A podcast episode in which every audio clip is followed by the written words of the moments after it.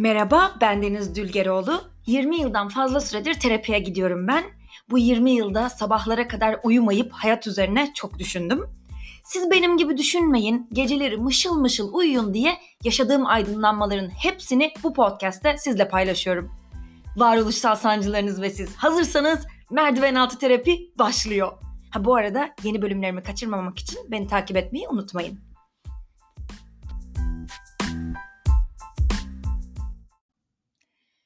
Hello, hellolar, hellosu. Merdiven altı terapinin 106. bölümüne hoş geldiniz. Nasılsınız? Umarım iyisinizdir. Ben kendimi son zamanlarda çok daha iyi hissediyorum. Bugün çok çok çok yağmurlu bir hava var.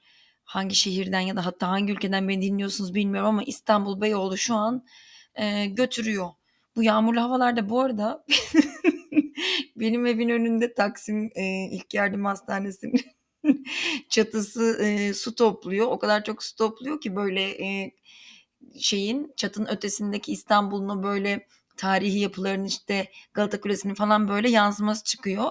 Adeta arada boğaz gibi duruyor. O yüzden böyle dışarıdaki yağmurun fotoğrafını çektirdiğimde e, daha sonra anladım ki benim takipçilerimin çok önemli bir kısmı benim boğaz kenarında bir yalıda falan oturduğumu zannediyormuş. Olsunlar. Çok gülmüştüm bunu ilk öğrendiğimde. Yok öyle bir yerde oturmuyorum. Şimdi yine çatıyı görünce aklıma geldi. Bu kayda girmeden önce kendime moral olsun diye şöyle bir şey olsun diye hani destek olsun diye dışarıdan kahve ve kek siparişi vermiştim. Ve e, verirken de sipariş şey diye bir yazı çıkmıştı işte hani hava yağmurlu olduğu için gecikme olabilir. Ben de o yüzden hani çok sabırlı bir insanımdır gerçekten böyle konularda hani olabilir, olabilir, gecikme olabilir, gecikme olabilir derken iki buçuk saat oldu. Hani tamam kurye kaza yapmasın tabii ki ama iki buçuk saatlik gecikme biraz fazla değil mi derken açıp baktığımda gördüm ki e, siparişimi annemin evine vermişim. Siparişim ulaştı görünmesinin sebebi oymuş. E, o yüzden ne yaptılar ne oldu bilmiyorum. Ee, ama şimdi bir daha verdim. Bu kaydın orta yerinde kapı çalarsa bilin ki e, kahvem geldi. şimdi o yüzden kahvenin konumunu değiştiriyoruz. Kahve içip kek yiyeyim de bana moral olsun değil. Podcast kaydımı bitirmenin ödülü olarak kahve içip kek yiyeceğim. Tamam mı? O zaman e, size günlük durumumu şey yaptıktan sonra ne denir ya? İlettikten sonra sizleri de bilgilendirdikten sonra yavaş yavaş konuya gireyim. Şimdi böyle bu yağmurlu havalarda zaten depresif hissediyorsunuzdur. Ve bu depresif e, hallerinde insanların genellikle yani yaşama hali, sevinç hali ne kadar doğumu çağrıştırıyorsa depresif hallerde ölümü çağrıştırıyor. Ve ölüm deyince benim aklıma hep böyle hani şey geliyor. Ne zaman? Ne zaman olacak bu ölüm denilen şey? Yalnız benim kahve kekten ölüme geçiş hızım. Ay çok, özür dilerim çok ani olduysa eğer. Tam böyle Tumblr kızı kahvemi içip kek yiyeceğim. E, tarihi İstanbul mağazasına bakarak derken bir ana çat ölüm. Öleceksiniz hepiniz. Her canlı bir gün ölümü tadacaktır. Ben küçükken e, şeyde hafta sonları servis beni aldığında yatakhaneden işte e, annemin evine yine giderken tıpkı şu an yanlış giden kahve siparişim gibi hep Zincirli Kuyu'dan önce geçerdik çünkü Avrupa yakasından Anadolu yakasına geçerken işte oradan geçiyordu servisimizin hattı ve o her canlı bir gün ölümü tadacaktır yazısını görmek bana böyle yani okey tamam yani ama neden şu an bunu konuşuyoruz falan dedirtirdi. Sonra büyüdükçe e, tam olarak kurulması gereken cümle bu mu bilmiyorum ama biraz böyle nedenini anlamaya başladım. Hatta yani altında yatan felsefe doğru bir felsefe diye düşünmeye başladım. Şimdi rockstarlar mesela e, meşhur rockstarlar, hızlı yaşayan genç ölenler 27 yaşında ölüyorlar biliyorsunuz bu e, 27 yaş kulübü var. İşte Kurt Cobain, Jimi Hendrix, Jim Morrison ve Azrail cinsiyetçi biri olmadığı için tabii ki kadın rockstarlar da var. İşte Janis Joplin, Amy Winehouse e, gibi birçok çok çok çok ünlü müziğe yön veren isim 27 yaşında öldü. Ee, yani birçoğu da kendileri bu sonu istediler. Ee, hayatı zor buldukları için ama ölmeyenlerimiz yola devam ediyor. Ee, ve yola devam ettiğinizde yani bu hızlı yaşa genç öl felsefesinin e, aslında olayı işte genç öl yani. Hiç yaşlanmanın zorluklarını yaşamadan hiç o e, çirkin kırışıklıkları işte e, kemik erimelerini, hastalıkları vesaireleri görmeden kurtul bu yoldan çık yani yol yakınken diyor bu felsefe. Ama tabii ki birçoğumuz bu yolu tercih etmiyoruz ve yola devam ediyoruz ve orta yaşa erişiyoruz. Ve orta yaşa geldiğimizde de yani duymuşsunuzdur muhakkak. Orta yaş krizi diye bir şey genelde erkeklerinkisinden bahsediliyor. Çünkü e, Azrail'den cinsiyetçi çoğu yaşayan e, insanlar. O yüzden bu konuda da erkekleri incelemeye değer bulmuşlar ve e, hep bilirsiniz böyle hani filmlerde dizilerde olur. Erkekler birden işte pahalı arabalar almaya başlarlar böyle elde avuçta o kadar para olmamasına rağmen her şeyi satıp böyle bir en pahalısından spor araba genellikle e, alta çekilir. Bir spor arzusu yine spor araba demişken basar böyle vücudumu işte şekle şemale sokayım, moda giyineyim işte böyle yaşlarına uymayacak e, daha çok ergenlerin tercih ettiği cinsten kıyafetler, gözlükler falan takmaya başlarlar. Tabii ki kadınlar da geçirmiyor mu orta yaş krizi? Geçiriyor. E, o yüzden bu bölümde kendim de 37 yaşında bir birey olarak e, şairin hesabına göre orta yolu 35 olarak alıyoruz biliyorsunuz e, yolun yarısını. Yolun yarısını geçmiş bir birey olarak bence ben de bunu yaşadım. E, yaşamakta olduğumu fark ettim ve çevremdeki arkadaşlarımın da. Yani çünkü ben bence yoğun e, terapi ve psikanaliz gören bir insan olduğum için bu konularla bayağı bir yüzleştim. Hatta o yüzden de çok ağır depresyonlar geçirdim. Ve bence bunlar iyi oldu. Çünkü eğer e, zamanında bu yüzleşmeniz gereken konularla yüzleşmezseniz yani diş e, ağrısı gibi düşünün. Hep böyle diş hekimiyken derdim. Yani diş ağrısını görmezden geldiğin için tedavi olduğunu ben hiçbir hastada görmedim. Bence de diş hekimine gitmeyin. Kendi kendine geçer. Bekleyin bekleyin. Öyle bir şey yok. Yani dişin ağrıyorsa ufak minik bir çürük vardır. O çürük kendi haline bırakırsan daha da büyür. E, dişini çürütür. Tıpkı insan gibi çürük ilerler, ilerler, ilerler ve dişin kanal dediğimiz içinde dişin canlılığını sağlayan damar ve sinirleri ihtiva eden o boşluğa ulaşır ve orayı da enfekte edince çürüğün içindeki bakteriler diş ölür ve kanal tedavisi dediğimiz şey yapılır. Kanal tıkaçlanır tıpkı bir ölünün e, kıçından pamukla tıkanması gibi ruhuna el Fatiha olur. E, o yüzden yani dişim ölecek korkusuyla e, dişçiden kaçmanızın dişçi dediğimde kalbi kırılanlar oluyormuş arkadaşlar ne olur kırılmasın ya böyle söylemek daha basit hekim olduğunuzu ve bunun çok saygı değer bir meslek olduğunu hepimiz biliyoruz hiçbir şekilde dişçileri küçümsemek gibi bir niyetim yok. Kendim de bir dişçiydim. Yani bunun üniversite okumak gerektirdiğini zannediyorum. Hepimiz biliyoruz yani. Ama tabii ki yine de şimdi durun ya saygıdan şey yapmayayım diş hekimlerimize e, o yüzden e, aksatmayalım işte efendim bakımlarımızı gidelim. Konu nasıl buraya geldi bilmiyorum. İşte o yüzden yaşarken de ya işte hani bu yaşlanmayı reddetmenin bana hiçbir şey olmaz Hani yaşlanmayı seçenler farklı bir cins. Onlar aptallığından yaşlanıyor. Benim başıma gelmeyecek öyle bir şey derseniz gitgide yaşını e, ortalık yerde söylemeye utanan, çekinen, e, sürekli yaşlılık e, belirtilerini abartılı şekilde yok etmeye çalışan hatta varlığını reddeden bence bir insana dönüşürüz. E, tabii ki bu konudaki görüşlerimi daha önce de açıklamıştım hani en son açıklayacağım ama şimdi o yüzden tekrar şey yapmayayım.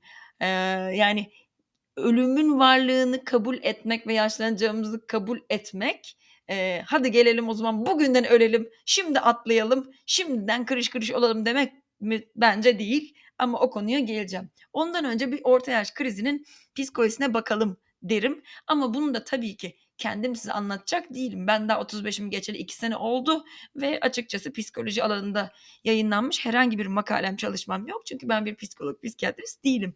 O yüzden Hani Kur'an-ı Kerim'in meali okunur ya böyle Ramazan döneminde e, bazı ünlü, popüler hocalar çıkıyorlar ve böyle açıklıyorlar işte Kur'an'ın burası ne demek istemiş. Ben de bu bölümde size psikolojiye yön veren o baba isimlerin çünkü yine ne yazık ki psikoloji bilimi de seksist ve e, içinde pek fazla kadın isim barındırmıyor.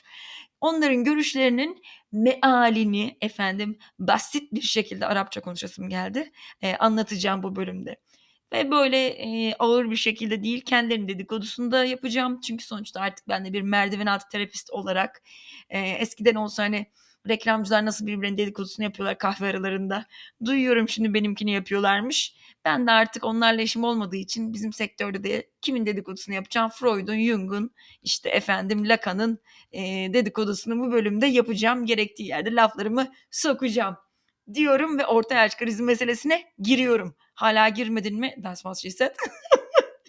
Diyeceksiniz giriyorum. Evet efendim şimdi yaş ilerledikçe bilgilerimiz, duygularımız ve davranışlarımız olgunlaşıyor. Ve ortak bir görüşe göre de orta yaş krizi denen şey bir kişinin artık yaşamının yarısının geride olduğu gerçeğiyle yüzleşip böyle yoğun rahatsızlık ve endişe e, duyduğu duygusal bir durum.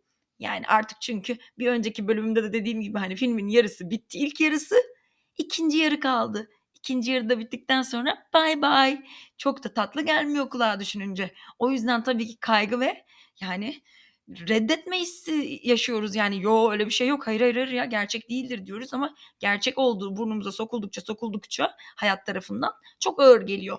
Ve o yüzden de ne yapıyoruz? İlk yarıya geri dönüp bakıyoruz ve çoğumuz böyle başarılarımızı düşünüyor ya da başarısızlıklarımızı genel olarak ve bunları değerlendirmeye başlıyoruz. Neler yaptık, neler yapamadık. Çünkü masallarda diyordu ki çok genç yaşta çok yakışıklı bir prens geliyordu. Prensesi buluyordu beyaz atıyla birlikte ve sarayına götürüyordu. Onlar böyle eriyorlardı işte e, kerevetler neydi mutluluklarına mı? Biz eriyorduk onlar ermiş muradına, heh, onlar muratlarına eriyorlardı. Biz çıkıyorduk kerevetlerine. Bir sürü çocuklar oluyordu. Onlar da çok güzel sarayın bahçesinde mutlu mutlu büyüyorlardı. Ama e, yani prenslerle evlenen pek fazla aramızda olmadı.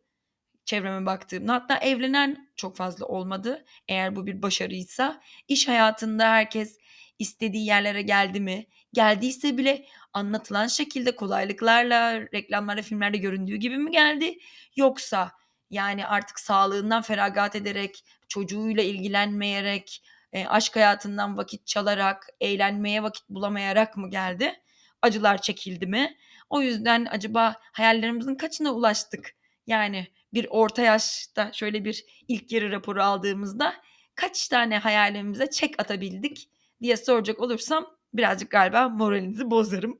O yüzden de işte 35-50 yaşları arasında genellikle bu orta yaş krizi denen şey çıkıyor ve 3-10 yıl arası sürüyor. Şimdi o yüzden gelelim bu işin en bilinen o meşhur isimleri farklı ekollerdeki orta yaş krizi hakkında ne diyor? Biz hepsinin çünkü dinleyelim sonra kafamızda birleştirip kendi düşüncemizi oluşturalım. Bu arada birçok psikolog ve psikiyatristin yaptığı şey de aslında bu. Bir ekole körü körüne sadık kalmak değil. Hmm, onun o dediği mantıklı geldi, bunun dediği bu mantıklı geldi deyip kendi kompozisyonlarını oluşturmak. Şimdi ilk olarak psikodinamik görüş var.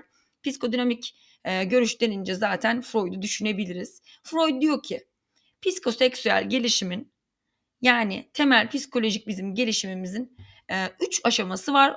Üçü de çocuklukta olur diyor. O yüzden de diyor orta yaş dediğin şey de diyor o ileri yaşta hepsi çocukluğun ürünleri. Daha sonrasında insan değişmez diyor. O yüzden sen orta yaşta eğer bir kriz yaşadıysan, yaşıyorsan senin demek ki diyor bu gelişimde çocukluğunda bazı parçalar uyumsuz olmuş. Ve o yüzden de o parçalar birbirine güzelce uyuşmadığı için çatışıyorlar.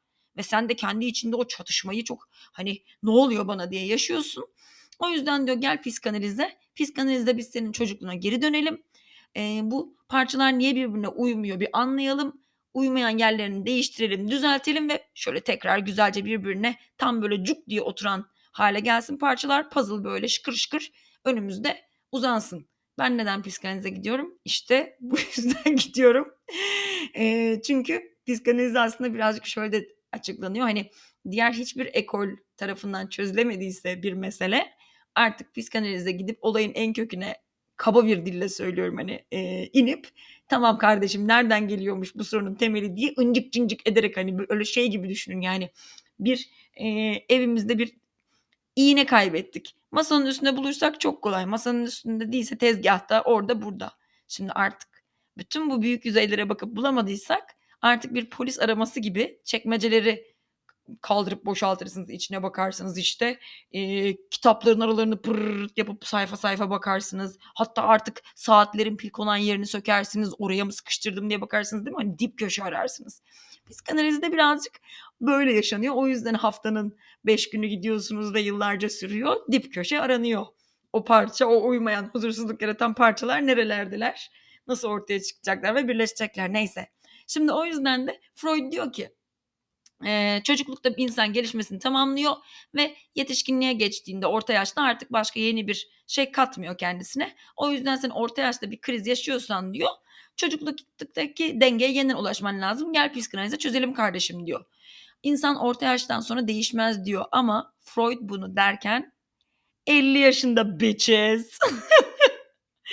insanlar eğitilebilir diyor çünkü eğitilebilir değil diyor işte hani artık zihinsel süreçleri diyor hani çocuğun beyni diyor böyle hani elastikiyeti var hani ağaç yaşken eğilir derler ya hani eğilir ileri yaşta eğilmez diyor ama Freud kendisi birçok eserini 65. yaşından sonra veriyor. O yüzden e, lol daha fazla laf sokmak istemiyorum ki saygıdeğer bir insan olduğu için.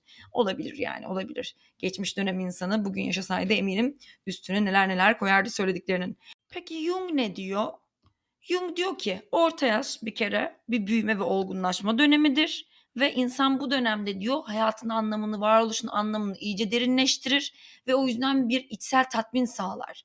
Ve Jung'un hastaları genellikle e, olağanüstü yeteneklere sahip, gençlik dönemini başarıyla geçirmiş e, insanlar. O yüzden de böyle toplum tarafından kabul görmek falan gibi dertleri yok. Yani Freud gibi e, cahillerle uğraşmıyor. ve bu insanlar zaten zeki ve başarılı olmalarına rağmen Jung'un hastaları sahip oldukları bu zenginlik ve refahtan yana hayal kırıklığına uğramış tipler. Çünkü yani adam diyor ki benim diyor ya da kadın her şeyim var diyor. Bir sürü başarı da sağladım. Yani param var, malım, mülküm, evim, arabam her şeyim var ama içsel yaşamımda bir eksiklik hissediyorum. Yani hayatımda bir anlamsızlık ve amaçsızlık hissediyorum diyor. O yüzden Jung'un fikrine göre orta yaş krizini aşmanın tek yolu bireyleşme. Yani sen bütünlüğü, huzuru ve uyumu kendi içinde yaratacaksın ve iç benliğini geliştireceksin. Yani sen bana e, tekeldeki Bayram abi şey demişti ya size bahsetmiştim. Senin bu podcastinde anladığım kadarıyla sen kendini bu topluma rağmen var ediyorsun. İşte bu hani benim profilimde yazıyor ya Orta Doğu'ya inat yaşıyorum bu hayatı diye. Tam olarak bundan bahsediyor. Senin derdin hani Orta Doğu tarafından kabul edilen maşallah ne kadar düzgün bir hanımefendi ünvanını almak değil. Senin derdin kendini var etmek. Kendi içinde sen bir kapıyı kapattığında bir odanın kapısını o odada tek başına oturduğunda o içinde mutlu olabilmek. O yüzden de benliğinin ihmal ettiğin yönlerine ulaşman lazım diyor Jung. Ve tabii ki bunu bir analitik terapist e, yardımıyla analitik terapide yani e, psikanalizle yapman lazım diyor. Çünkü e, bu kendine ait e, kişisel temel değerlere ulaşmaya çalışıyorsun ya sen. Bu değerlerin senin hani senin için ne önemli onu arıyoruz biz psikanalizde. İster istemez senin ait olduğun kültürden ve yaşadığın toplumun baskın yaşam tarzından etkileniyor.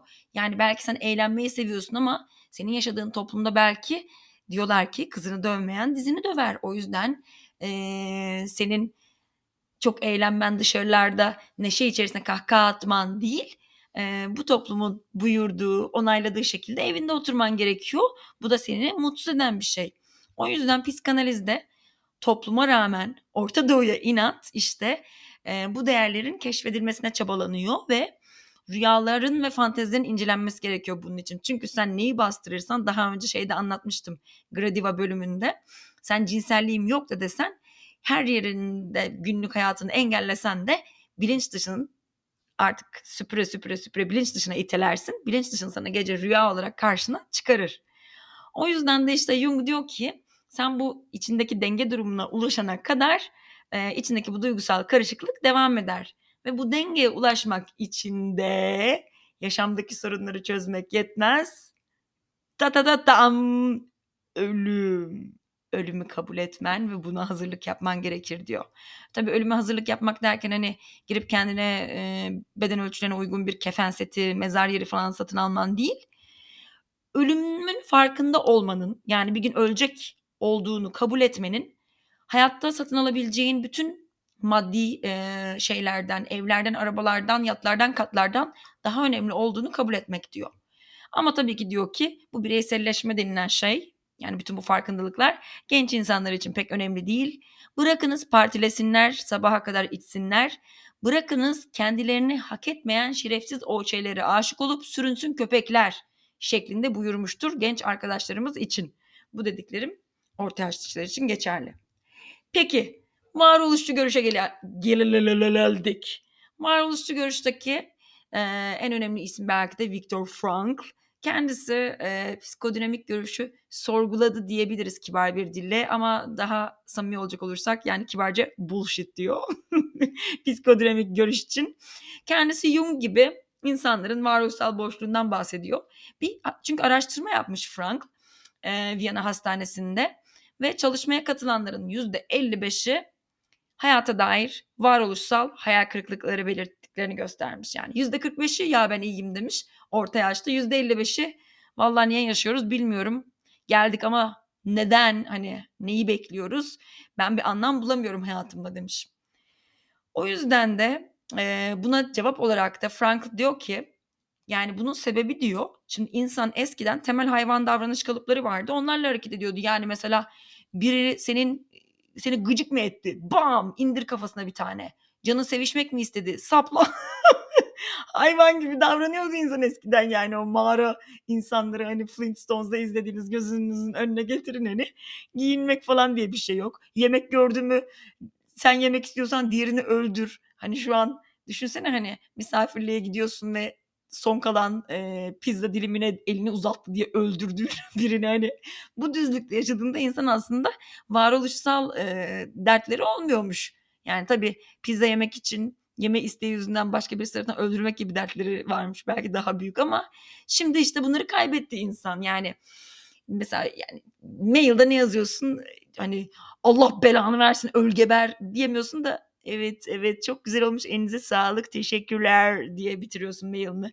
Bu mail umarım sizi iyi bulur diye başlıyorsun. Halbuki yani ellerinle gırtlaklamak istiyorsun belki o insanı. Ve hayvani içgüdülerini bu yüzden artık bastırıyorsun. İkinci olarak da gelenekler sana artık ne yapman gerektiğine dair rehberlik etmiyor. Seçim yapmak zorunda kalıyorsun. Ne gibi? Mesela bir gelenek düşünelim. Eskiden bir kadını babası diyordu ki kızım seni Halil'in oğlu İbrahim'e vereceğim. Sen de peki babacım diyordun. Hatta babayla konuşmak saygısızlık olduğu için sadece kafanı önüne eğiyordun. İster ağla ister zırla. Sen o adamla artık evleneceksin. Hayat senin önüne bunu getirdi kabul ediyordun. Ama şimdi böyle bir gelenek olmadığı için en azından şanssız olanlarımız dışında kendimiz yapıyoruz seçimimizi. Giriyorsun app'ine sağa sola kaydırıyorsun kendin seçiyorsun. Ve çoğu zaman da sıkıntı şu ki insan ne istediğini bilmiyor. hani iki seçenek olsa belki tamam. Üç seçenek olsa tamam ama Derya Deniz bir erkek seçeneğinde ya da kadın seçeneğinde sen hangi birini seçeceksin? Erkek kadına değil birey diyelim ya. Aa, neyse hangisini seçeceksin? Delirecek gibi oluyorsun. Ve o yüzden de bu varoluşsal boşluk sende hayattan sıkılma isteği yaratıyor. Ee, şimdi biz mesela pazartesi sendromu diyoruz ya Frank da Viktor Frank pazar nevrozu diyor. İnsanlar şöyle bir şey yaşıyorlar. Bir depresyon türü bu. Yoğun bir hafta sona erdiğinde e, hayatlarına içerik katmada, bir şey katmakta başarısız olan insanlar o m, pazar nevrozunu yaşıyorlar hani. E, çalıştım eşek gibi bilmem ne yaptım. Ne oldu şimdi benim hayatıma ne değişti? Yani orta yaş krizde işte tam bunun hayatın ortasında yaşanan versiyonu gibi düşünebiliriz hani. E ne yaptım ki ben şimdi hani? Ne oldu? Bundan sonrasında daha da yaşlanacaksam ben neyi bekliyorum hani? Ne için yaşıyorum? Ve o yüzden de hani e, Frank diyor ki yani insanların hayatı tehdit altında olduğunda yani karşına ayı çıktı tamam o an sadece koşmayı düşünüyorsun ve o yüzden hayatta kalma düşüncesiyle ilgileniyorsun. Ama hayatını tehdit eden bir şey olmadığında şu an yani mesela masamda boş boş oturuyorsun koltukta ya da işte beni nerede dinliyorsun şu an bir şey mi temizliyorsun yürüyor musun bilmiyorum. İlk kez sen diye hitap ettim yalnız böyle konuşmam sunuz pardon ne yapıyorsunuz bilmiyorum ama öyle olduğunda işte e, ben niye yaşıyorum ki düşüncesi başlıyor ki bu podcast'ın introsu ne diyorum? Varoluşsal sancılarınız ve siz hazırsanız merdiven altı terapi başlıyor. Yani varoluşsal sancıları olan insanlar beni tabii ki dinliyor. Ayı kovalayan bir insan o anda podcast açıp dinlemiyor yani hayatın anlamsızlığını nasıl aşarım diye. O yüzden de mesela e, geçen hafta bahsetmiştim ya boynumda çıkan lenf noduyla birlikte nasıl bir anda hayat çok güzeldi. Ben keşke yaşasaydım. İnanılmaz fırsatlar vardı. Öyle yapabilirdim, böyle yapabilirdim. E, antibiyotiğimin ikinci haftasıyla birlikte lenf nodum küçüldü. Daha kontrole gitmedim bile ama anladığım kadarıyla hayati bir tehdit yok ve bütün varoluşsal sancılarım geri döndü. Yani hayat şu an o kadar manyak güzel falan gelmiyor. Gayet tekrar yani neden yaşıyoruz ki sorularıma yavaş yavaş geri dönüş yaptım. Hatta bununla ilgili bir film vardı. The Game ismi yanlış hatırlamıyorsam. Çok zengin ve her şeye sahip bir adama doğum günü hediyesi olarak hafızam beni yanıltmıyorsa film izleyeli 20 sene falan oldu. Erkek kardeşi bir e, hediye alıyor. Hediye şu bir şirket çok kötü şeyler başınıza getirtiyor. Sizin haberiniz yok. Size birisi hediye olarak almış bunu. Adamın arabası denize uçuyor. Yok orada katiller kovalıyor. Şu bu falan. Yani işte bu Franklin dediği şey oluyor. Ölüm tehdidi altındasın sürekli ve adam hayatın anlamını o kadar iyi anlıyor ki yani artık hiçbir şeyin heyecanlandırmadığı ona çünkü her şey sahip bu hayatta. Öyle bir hayatın içinde ilk kez tekrar kurtulduğunda hayat güzel diyor işte. Filmi izlemediyseniz de sonuna kadar anlattım geçmiş olsun.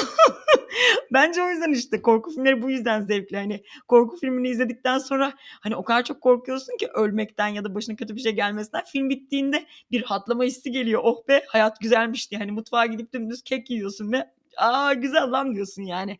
Ama işte korku filminin etkisi geçene kadar bu his. Mesela gündüz programları da öyle. Ee, bir gerçekten bir makalede okudum da şu an şeyini veremeyeceğim referansını.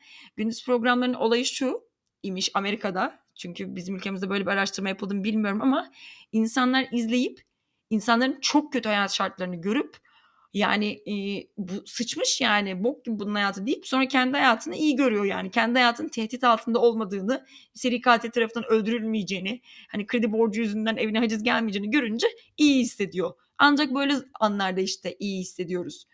Ama bunların dışında ne yazık ki işte bu hayatta bir anlam arama isteği miz var ve bunu da kendi başımıza ne yazık ki oluşturmamız gerekiyor. Birisi gelip sana hayatın anlamı şu diyemez. Sen kendini tanıdıkça, kendi ihtiyaçlarını bildikçe, seni neyin mutlu ettiğini gördükçe kendi hayatının amacını ve anlamını zaman içerisinde bulabiliyorsun.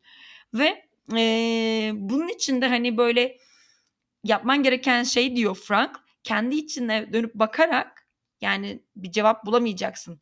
Dünyadaki dışarıdaki nesnelere yanıt vererek bulacaksın. Yani şöyle ifade edeyim hani şu klişe laf var ya hayat sana limon verirse limonata yap diye. Yani sana hayat bir şeyler sunacak. Sen bu sunulan şeylerle artık hani o laftaki gibi limonata mı yaparsın? Gider bir işte güzel bir gece kulübüne tekile şat mı yaparsın o limonla? Ya da işte kek dedik bu kadar limonlu kek mi yaparsın? Yani hayatın gerçek anlamı senin kendi içinde değil dünyada. Dünyanın sana verdiklerinden ne yaptığınla diyor. Ve bunu da ya yaratıcı faaliyet yoluyla yapabilirsin işte. Film yönet, kitap yaz, işte müzik yap ya da doğa deneyimleri işte ormana git, e, ne bileyim dağa tırman, hani orada o adrenalini hisset. Hayatına sanat katabilirsin diyor ya da aşk yaşayabiliyorsun diyor Frank. Ee, tabii yani gerçekten aşktan bahsediyor. Hani yine geçen bölüme, geçen bölüme ne kadar çok referans yaptım. Geçen bölümdeki gibi hani anlamsız e, tem buluşmalarıyla tabii ki hayatın anlamını bulamayız yani. Gerçekten anlamlı bir hikaye barındırması gerekiyor bu birlikteliklerin. Ve bir de bir de bir de son olarak diyor ki kaçınılmaz zorlukların ve acının yaşandığı bir durumda yani başınıza çok çok çok çok çok kötü ve korkunç bir şey geldi işte o zaman cesaretli davranırsanız hayatın anlamını orada da bulabilirsiniz diyor. Viktor Frank zaten kendisi e, İnsanın Anlam Arayışı kitabını eğer okumadıysanız kesinlikle okuyun. E, bir yani Nazi Almanyası'nda işte bir Yahudi ve e, bir toplama kampında sağ çıkmayı başarıyor. Yani başarıyor diyeceğim çünkü gerçekten kendisinin zaten kitapta da bunu anlatıyor. İnandığı bir şey olduğu için o onu ayakta tutuyor. Kitabı kesinlikle okumanızı tavsiye ederim. Şimdi burada daha fazla uzatmak istemiyorum burada bunu. Ama hani şey vardır ya yani o cesaret anları gerçekten şimdi düşünün. Hayal edin. insana böyle bir evet ya hayat çok iyi hissi verir. Hani mesela futbol maçlarındaki o işte e, marşları söylerken, İstiklal Marşı'nı söylerken ya da işte yakında 100. yılını kutlarken Cumhuriyet'in Normander'in o parla 100 yaşındasın marşında nasıl tüylerimiz diken diken oldu. Ya da işte ülkeleri yöneten bazı insanlar nasıl hayali düşmanlardan bahsediyor. Bir yerlerde onlar, onlar diyerek biz onlara karşı yeneceğiz dediğinde elinde hiçbir şey olmayan fakir bir halk kendisini cesur hissederek bir şeyleri yendik. İşte üstlerinden geçtik. Biz şanlı bilmem kimin torunlarıyız dediği için hani Don Quixote gibi hayali işte gel değirmenlerle savaştığını zannediyor ama kendisini cesur bir birey zannediyor. Şövalye olduğunu zannediyor ve bu yüzden de hayat ona anlamlı geliyor. O hani gerçekten yel değirmenleri olduğunu bilmediğiniz sürece siz her şeyi korkunç zannetmeniz yeterli. Bir şeylere karşı savaşmanın o cesaret hissinin de verdiği bir anlam var. Sonra az kaldı merak etmeyin. Bir de tabii ki Yalom var. Yalom ya benim çok sevdiğim bir varoluşçu psikiyatrist. Yalom'un bütün kitaplarını okudum ve gerçekten hani şu yüzden de çok seviyorum. Hiç o kala biri de değil. O kadar herkesin anlaması için yazıyor ki hani amacı gerçekten kendi egosunu tatmin edip cahiller işte sizin jargonunuz yetmez yazdıklarımı anlamaya demek değil. Hani dünyada bir şeyleri değiştirmek olduğu için bence çok mütevazı bir insan. Hatta şeyden de bahsetmişimdir. Ee, kendisine bir gün dayanamayıp mail atmıştım ve cevap yazdı ve sonra mektup arkadaşı gibi bir şey olduk. Harika bir insan olduğunu düşünüyorum ve 90 yaşında eli ayağı neredeyse yani tutmayan bir vaziyette hala dönüş yapıyor olması e-postalarına inanılmaz geliyor bana. O yüzden hani pratikte de kendisinin e, ölene kadar işte karısı e, Mrs. Yalom'la olan ilişkisini de anlattığı bir kitabı var. Onu da okumuştum. Onun da da ne kadar mutlu bir hayat olduğunu, anlamlı bir hayat olduğunu gördüğüm için Yalom'un düşüncelerine çok değer veriyorum ben. O da diyor ki e, bizim diyor yani anlama ihtiyaç duymamızın sebebi diyor. Hani orta yaşta bununla özellikle yüzleşiyoruz. Ee, anlam diyor bizim hayatımızdaki değerleri yaratıyor ve değerlere niye ihtiyaç duyuyoruz? Yani mesela hani hep eskiden Şam'dan da falan eskiden öyle dergiler vardı liseliler bilmez.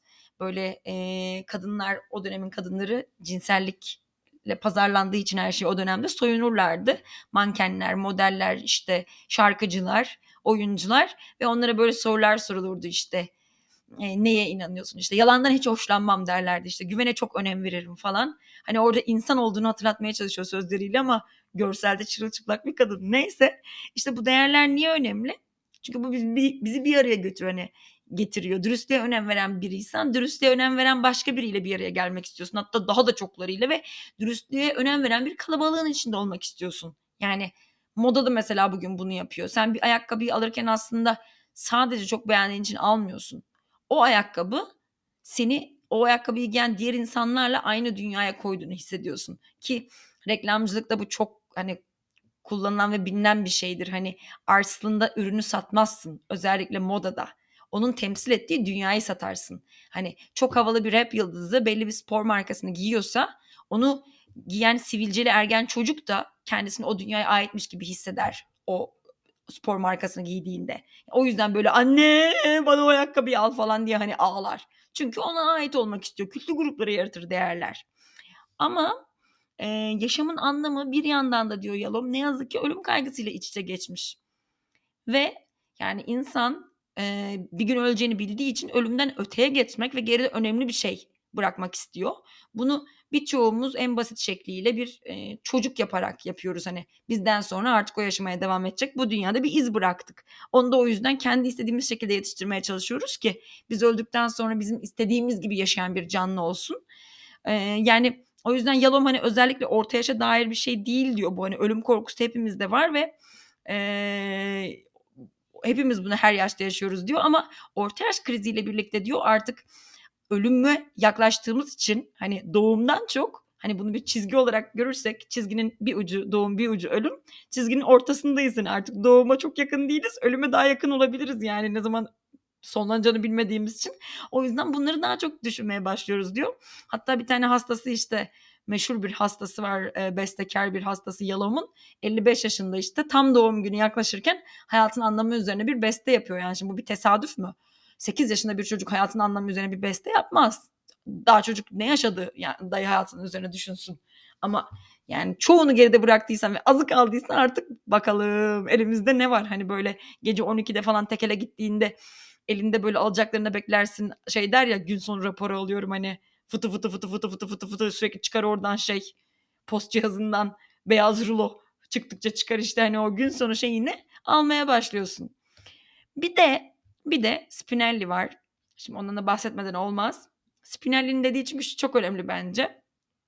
Ee, orta yaşta diyor sorun şu. Orta yaş krizinde. Benlik kavramı diyor deneyim yoluyla oluşturulur. Yani şimdi ben farklı bir hikaye yaşadım. Sen farklı bir hikaye yaşadın. İkimizin tabii ki de o yüzden benlikleri hani karakter, kişilik ne dersen bu farklı. Ve bu gitgide gitgide güçleniyor ve böyle katılaşıyor hani artık böyle bir yaş betonu çimentoyu döktüğünü düşün o katılaştı ve beton oldu. O yüzden senin bu düşüncelerin, inançların çok irrasyonel yani gerçek dışı e, ya da çarpık olabilirler ama çok güçlüdürler bu inançlar diyor.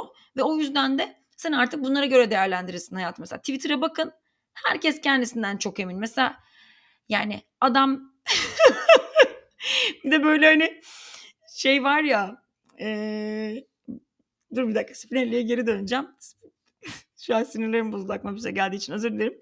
Spinelli şimdi diyor ki hani artık sen büyüdün geliştin orta yaşa geldin ve yani değiştiremiyorsun kendini büyüdüğün şekilde. Ama bir inandıkların var şimdi. Mesela sen inandıkların mesela ne olsun? Ya mesela sen Tanrı'ya inanıyorsun şimdi. Yani ülkemizde çok yaygın bir şey. Tanrı'ya inanıyorsun. Bir de deneyimlenen benlik var. E, benlik var. Yani deneyimlerinde mesela belki cinsellik yaşadın ve cinsellik senin çok hoşuna gitti. Ama şimdi sana inandığın değer diyor ki hayır yaşamayacaksın. E, deneyimlediğinde diyor ki yaşayacaksın çok zevkli. Hani böyle çizgi filmlerdeki şey gibi sağ omuz ve sol omuzdaki iyi melekle kötü melek gibi yani. Ve bu ikisi arasındaki çatışma yüzünden sen bir orta yaş krizi yaşıyorsun. Yani mesela işte demin ne diyordum Twitter. Twitter'dan örnek verelim şimdi buna mesela. Adama bakıyorsun inanılmaz bir işte dininde, imanında hani öyle bir profil açmış başkalarını eleştiriyor. Ya Allahsız diyor sen bunu nasıl yaparsın nasıl böyle edersin. Sonra adamın attığı mentionlara girip bakıyorsun. Beylikdüzü'ndeki eskorta demiş ki borularının vanasını açıp tesisatına su basayım mı?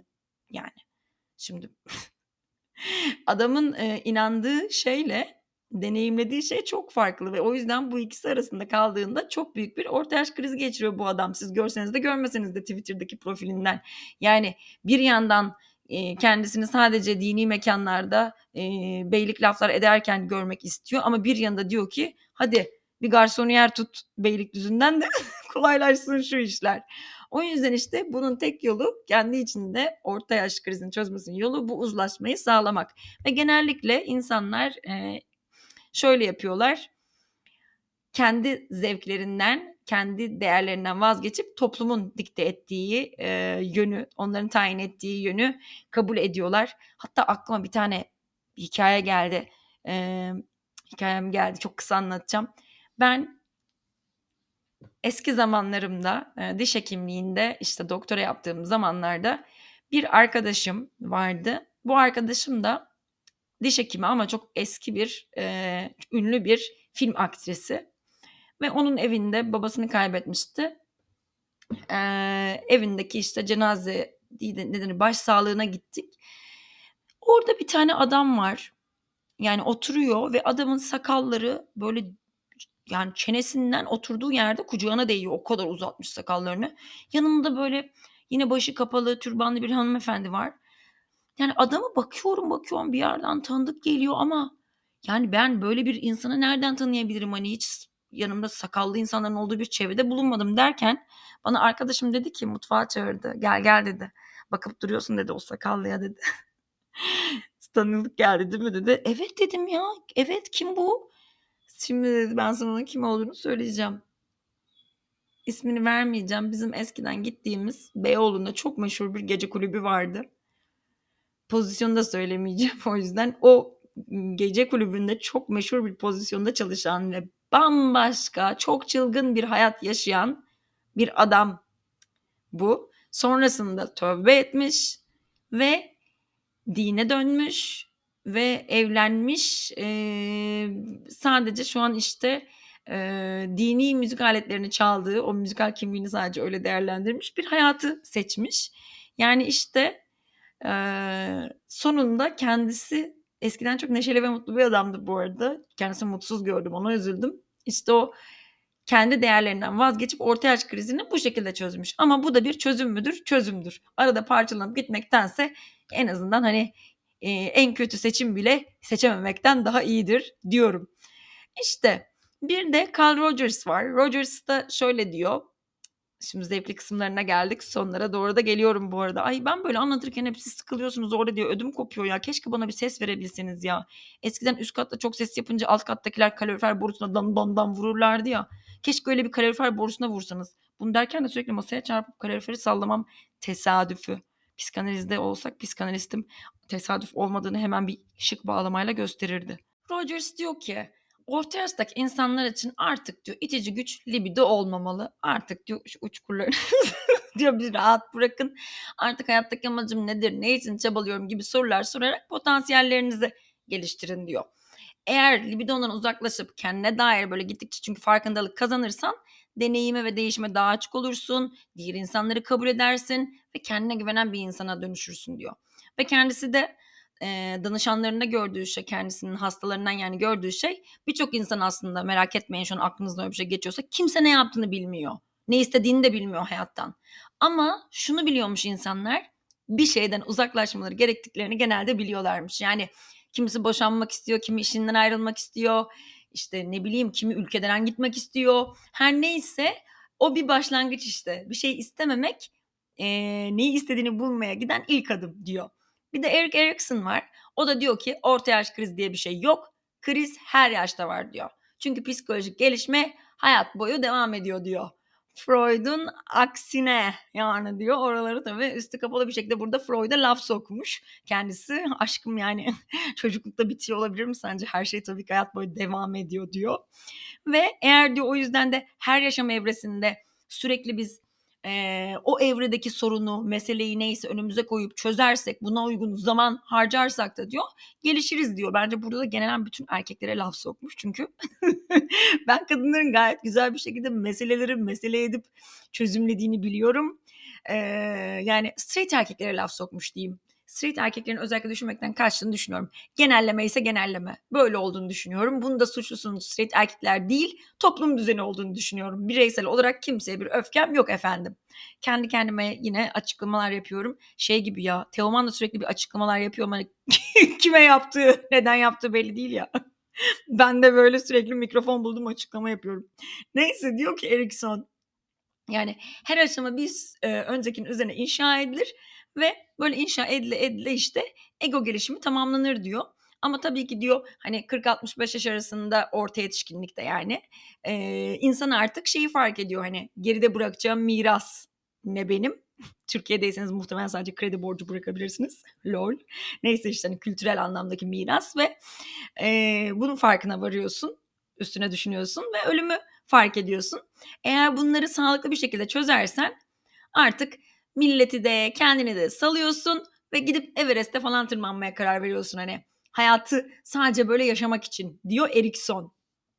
Ama eğer bu konuları diyor bakın kitabından okuyorum bu cümleleri sağlıklı bir şekilde çözemeyenler kendi ihtiyaçlarına odaklı kalır ve yayın evlerinden kızlarına gelen kitap tekliflerini kızları yerine kendileri yazmayı öğrenirler. O yüzden sorunlarınızı lütfen acilen çözün diyor Erikson. Pek de diyor ki krizin diyor sorunu şu. Özür dilerim kendi şakama gülüyorum.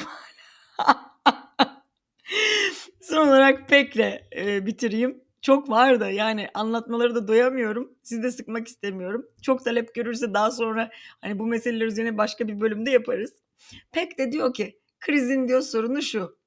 Bazı insanlar diyor orta yaşı geçtikten sonra yaşam problemlerine karşı diyor hala fiziksel yeteneklerine güvenerek başa çıkmaya çalışıyorlar diyor. Olmaz diyor yani. Sen artık 18 yaşında Yağız Yiğit bir delikanlı ya da işte 18 yaşında çıtır bir kız değilsin. Fiziksel gücünü kaybettin diyor. Bununla başa çıkman lazım. Artık yaşına değil bilgeliğine güveneceksin. Bilim var, ilaçlar var.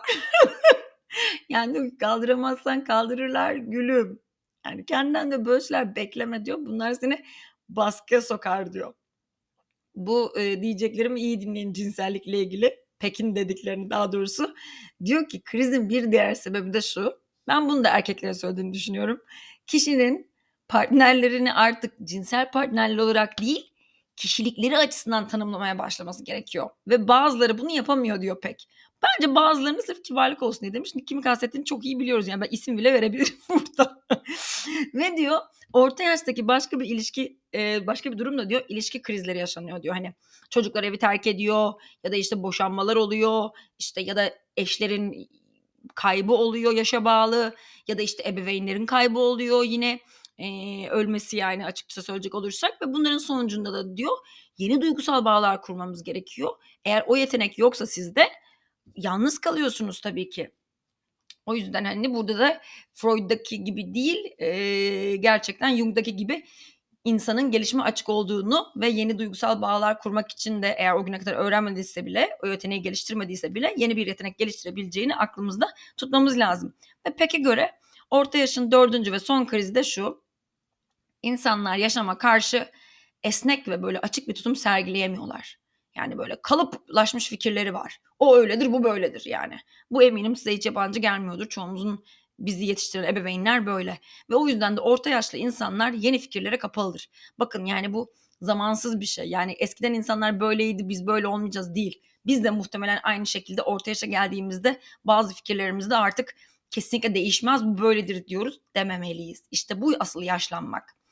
Ve o yüzden şimdi böyle anlattığımda e, çok kötü görünebilir belki durum ama aslında e, orta yaştaki bu krizleri yani hani kayıplarınızı işte e, ilişki kayıplarınızı, maddi kayıplarınızı her neyse fırsata çevirin. Yani orta yaş krizini fırsata çevirin diyor Pek. Mesela işte ben nasıl bu podcast'te 3 sene önce ilk başlamamın hikayesi 4 sene önce pardon. Bir ilişkimin bitişi ve işimin sallantıya girmesiyle çok zorlu ve sancılı da olsa yeni bir yola başladım. Ve gördüm ki insan hala öğrenebiliyor yani. Öyle bir şey yok. Yani Freud nasıl yani tam ölmeden önce bile bir sürü eser verdiyse biz de aynı şekilde e, devam edebiliriz. Eğer korkumuzu yenersek yani cesur olursak ki Frank da ne diyordu zaten cesaret hayata anlam katar.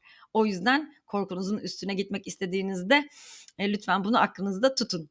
Yani tabii ki bu anlattığım e, araştırmaların çoğu erkeklerin yaşam döngüsüne odaklanmış ve sonuçlar böyle nüfusun geneline genellenmiş hani sanki bütün insanlık böyleymiş gibi. O yüzden de Yalom'un e, Yalom'u işte sevmek için bir sebep daha ya Irving Yalom'u. Irving Yalom o yüzden kendisi feminist bir çalışmadan bahsediyor. E, çünkü bu feminist çalışma aslında şimdiye kadar anlattığımlarımdan farklı bir şeyler söylüyor. Bu çalışmada görülüyor ki kadınlar ve erkekler için orta yaştan sonra durum değişiyor bu orta yaş kriziyle. Orta yaşlı kadınlar genelde ilk yarıyı ailelerine adadıkları için ikinci yaşam yarısında genellikle e, erkek akranlarından farklı isteklere sahipler. Onlar kendi yollarına bakmak istiyorlar kadınlar hani artık evlilik de bitti o da öldü bu da gitti Uhu, me time diyorlar. Erkekler ise tam tersine ilk yarıda başarı elde ettikten sonra artık elden ayaktan da düşünce bu kadar başarılı olamayacaklarını anlayınca ikinci yarıda daha çok sevgi istiyorlar ve daha fedakar olma yoluna giriyorlar. Yani tam erkekler e, evliliğe okey olmuşken kadınlar da artık evlilikten bıkmış oluyor diyebiliriz aşırı cahilce bir kabaca bir özetle. Yani diyeceğim o ki evet yaşlanmak kayıpları ve zorlukları tabii ki yanında getiriyor. Ama e, eğer gerçekten hani bunları kabul edersek kaçınılmaz olan bu kayıpları ve önümüzde bizi bekleyen yine kaçınılmaz olan gelecekteki kayıpları da kabul edersek ve bu zorlukları kucaklarsak o zaman bireysel olarak potansiyelimize ulaşmanın yollarını bulabiliyoruz. Ki zaten fiziksel ve zihinsel sağlığımızı da sürdürmemiz gerçekten buna bağlı. Çünkü insan her anlamda çok kolay hastalanabiliyor biliyorsunuz eğer mutsuzsa. Ee, Erikson'un yaşam boyu psikolojik değişim teorisini dinlemenizi tavsiye ederim. Ve ayrıca yaşlanmanın olumlu deneyimlerini de düşünün. Yani yaşlanma sürecinde kazanılan bilgi ve deneyim mesela şu an sizden bütün malınızı, e, mülkünüzü alsalar bile sizin zihninizde taşıdığınız o kadar çok deneyim ve tecrübe ve bilgi var ki bunlar size çok hayatta yeni yollar açabilir. Ayrıca manevi bir olgunluk ve huzur sahibisiniz diye ümit ediyorum. Ee, ve bütün bunlar sayesinde üretken bir insan olabilirsiniz, mutlu bir insan olabilirsiniz. Bu bildiklerinizi bir şeylere dönüştürebilirsiniz. Yoksa metrobüste böyle hani şeyler var ya, biri bana yer vermese de kavga çıkarsam diyen böyle yaşlılar var. Hani biri vermesin ya. Biri bir yanlış yapsın. Şöyle bir dalayım. Sonra böyle car car car car bağırıyor. Hani sen metrobüsün ta diğer tarafından diyorum da kaç kişi metrobüse biniyor bilmiyorum. Onun böyle bağırmasını duyuyorsun. Aklıma babaannem geldi. Nur içinde yatsın inşallah. Evet. Yani o zaman gelelim kapanışa. Ee, diyeceğim o ki yani tabii ki bütün bunlar kolay değil ama aynı zamanda orta yaş krizi bize yeni bir olanak da sunuyor. Yeni bir başlangıç yapmak için hayata. Yani bu yüzden büyümek ve olgunlaşmak ve yeni yollara girmek için bir fırsat. Ama tabii ki öyle armut piş ağzıma düş yok. Ee, orta yaşın olumlu yönleri kendiliğinden oluşmuyor. O yüzden bizim bunun için çabalamamız gerekiyor ki kendi varoluşumuzun anlamını bulalım. Benim mutfağımda bir tane çerçeve var. Ee, içinde Edward Young diye bir şairin 1700'lerde yaşamış bir İngiliz şair kendisi. Onun bir şiiri var. Ee, işte bir illüstrasyonun altında yazıyor.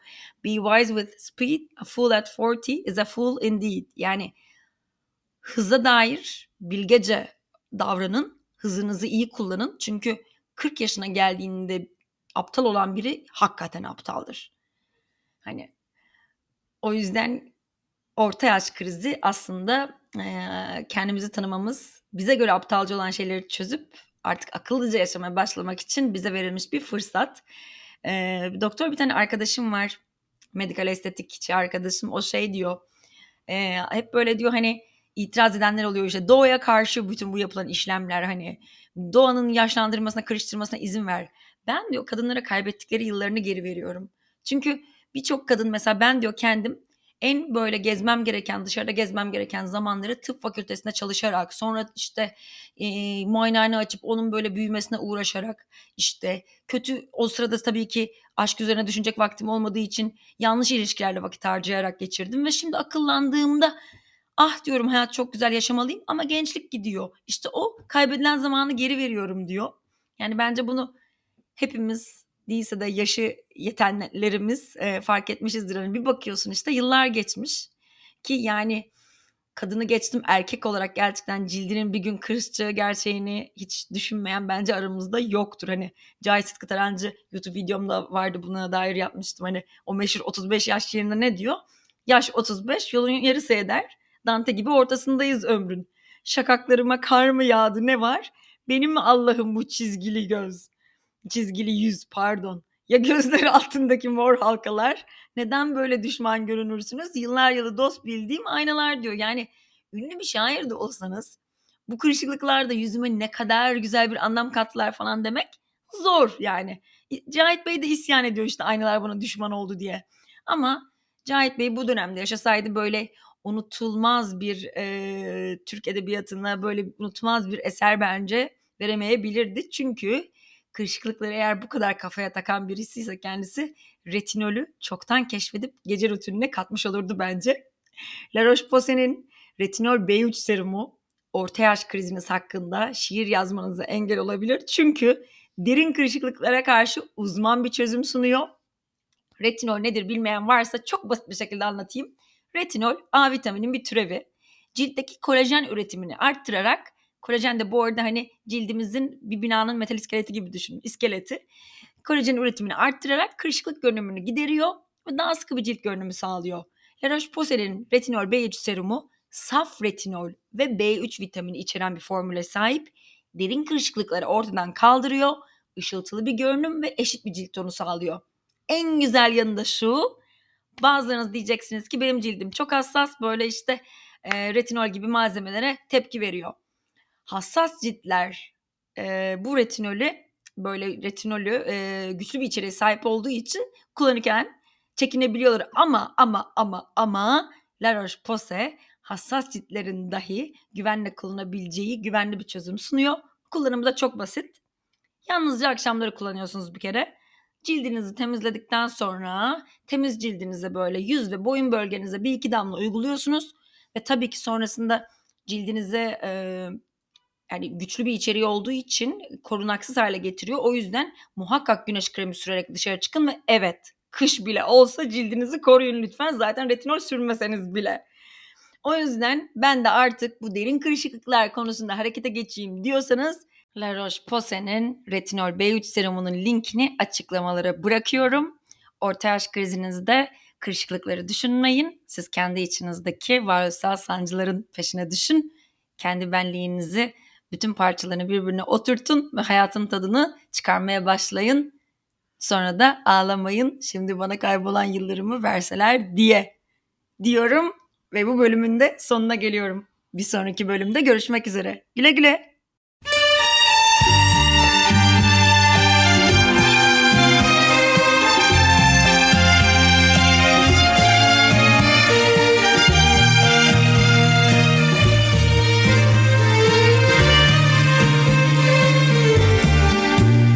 Dönüşü yok. Beraberce karar verdik ayrılmaya. Alışmalı arkadaşça yolları ayırmaya. Şimdi artık gözyaşları gereksiz akmamalı. Alışmalı kendi yaramızı kendimiz sarmaya. Şimdi artık kelimeler yetersiz anlamı yok. Getirmişiz anılarla beraber faydası yok. Gel bunları bırakalım artık bir tarafa Gerçeği görmeliyiz. Dostum başka çaresi yok. Şimdi bana kaybolan yıllarımı verseler Şimdi bana seninle bir ömür vaat etseler? Şimdi bana yeniden ister misin deseler? Tek bir söz bile söylemeye hakkım yok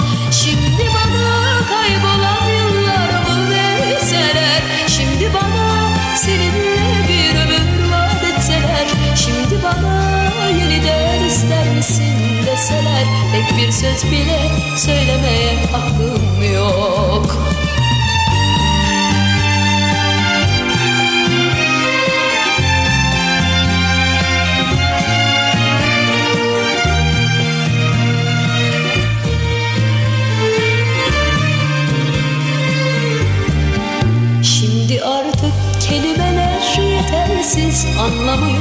yok yitirmişiz Anılarla beraber faydası yok. Gel bunları bırakalım.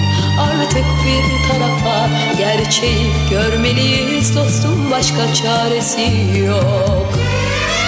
Şimdi bana kaybolan yıllarımı verseler Şimdi bana seninle bir ömür vaat etseler?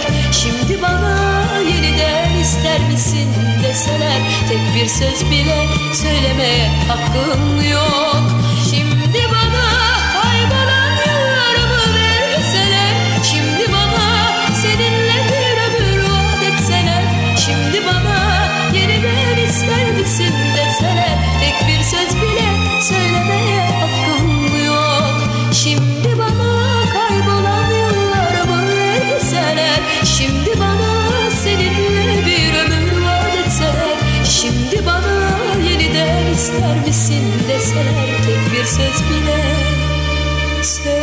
söylemeye hakkım